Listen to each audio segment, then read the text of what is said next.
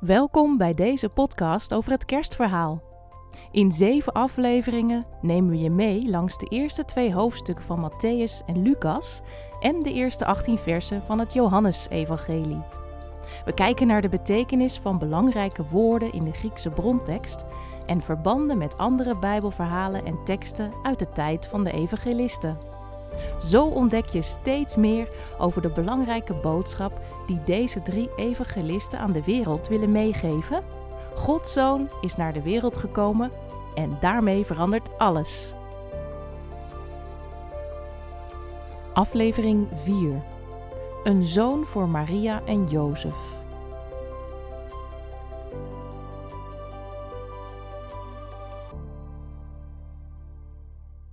We lezen uit Lucas 1, vers 26 tot en met 38.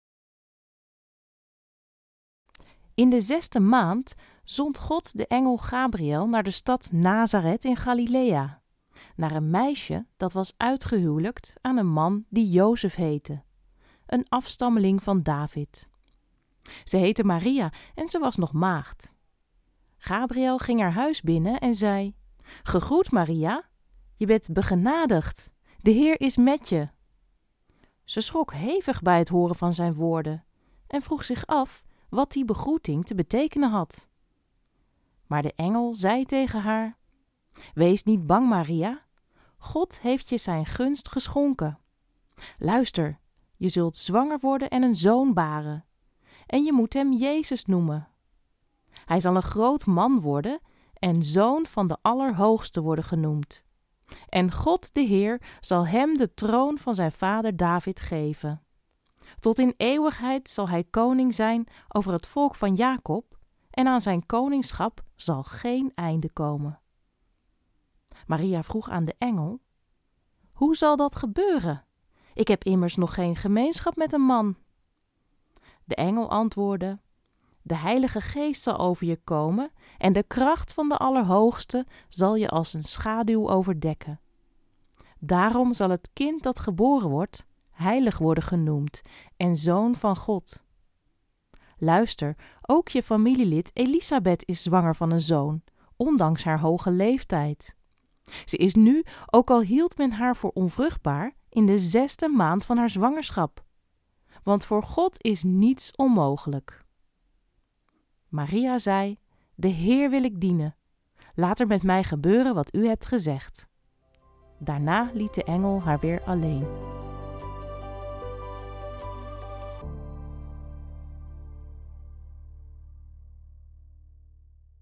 In de komende afleveringen kijken we naar het kerstverhaal zoals het wordt beschreven in het Lucas-evangelie. Er zijn twee duidelijke overeenkomsten tussen het evangelie van Matthäus en dat van Lucas. Als eerste zijn beide geschreven door een tweede generatie auteur. Ze schrijven tegen het einde van de eerste eeuw, waarschijnlijk rond het jaar 90, en als bron voor hun werk gebruiken ze het Marcus-evangelie en ander beschikbaar materiaal. Daarnaast bevatten ze beide een kindheidsevangelie. De meeste mensen hebben tegenwoordig bij het kerstverhaal een combinatie van de geboorteverhalen van Lucas en Matthäus in hun hoofd, aangevuld met extra elementen, zoals de os en de ezel, die bij geen van beide voorkomen. Dat levert een mooi verhaal op, maar het is niet het verhaal van Lucas. Daarom gaan we Lucas eens op zichzelf bekijken en laten we dit evangelie voor zichzelf spreken. Bij het Lucas-evangelie hoort nog een tweede deel, de handelingen van de apostelen, die van dezelfde auteur zijn. Lucas presenteert zichzelf nadrukkelijk als iemand die op een betrouwbare manier verslag zal doen van wat er allemaal gebeurd is op dezelfde manier als de wetenschappelijke auteurs van zijn tijd. Daarmee plaatst hij zich op het snijvlak van twee culturen. Het verhaal dat hij te vertellen heeft, stamt overduidelijk uit de sfeer van het volk van Israël, maar de manier waarop hij het presenteert is net zo onmiskenbaar Grieks. Dit past op een bepaalde manier ook bij de inhoud van zijn verhaal, een verhaal dat begint bij de tempel in het Judese Jeruzalem en dat eindigt bij Paulus' verkondiging aan de volken. Lucas geeft zo in verhalende vorm weer wat in Paulus' brieven theologisch de hoofdrol speelt: Gods verzoening van allerlei volken in Jezus Christus.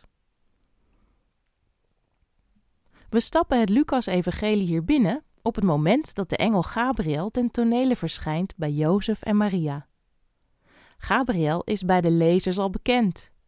Die heeft zich een paar versen hiervoor al voorgesteld aan de priester Zacharias, de vader van Johannes de Doper. En voor de gemiddelde hedendaagse lezer zullen Jozef en Maria ook bekende figuren zijn. Maar voor iemand die dit verhaal uit het niets leert, hoeft dit niet zo te zijn. Voor diegene moet het zijn alsof je een wereld binnenwandelt die voor de bewoners ervan heel vanzelfsprekend is, maar voor jezelf erg nieuw. De auteur lijkt dit te merken. In een lange zin, de versen 26 en 27, beschrijft hij stapje voor stapje de beweging van Gabriel, en wel zo dat de lezer ook steeds een beetje meer informatie over de hoofdpersonen krijgt.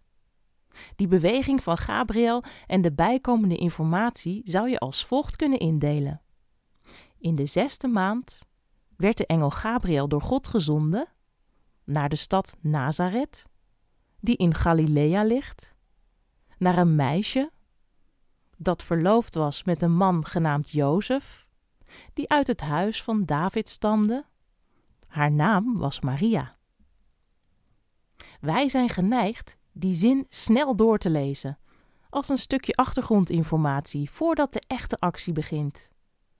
Maar als je er een gevoel bij wilt krijgen hoe deze inleiding op een lezer in de eerste eeuw overkwam, let er dan eens op dat de auteur steeds begint met iets meer of minder bekends en het dan steeds verder naar het onbekende toe uitwerkt. Een tijdsaanduiding, zoals de zesde maand, snapt iedereen.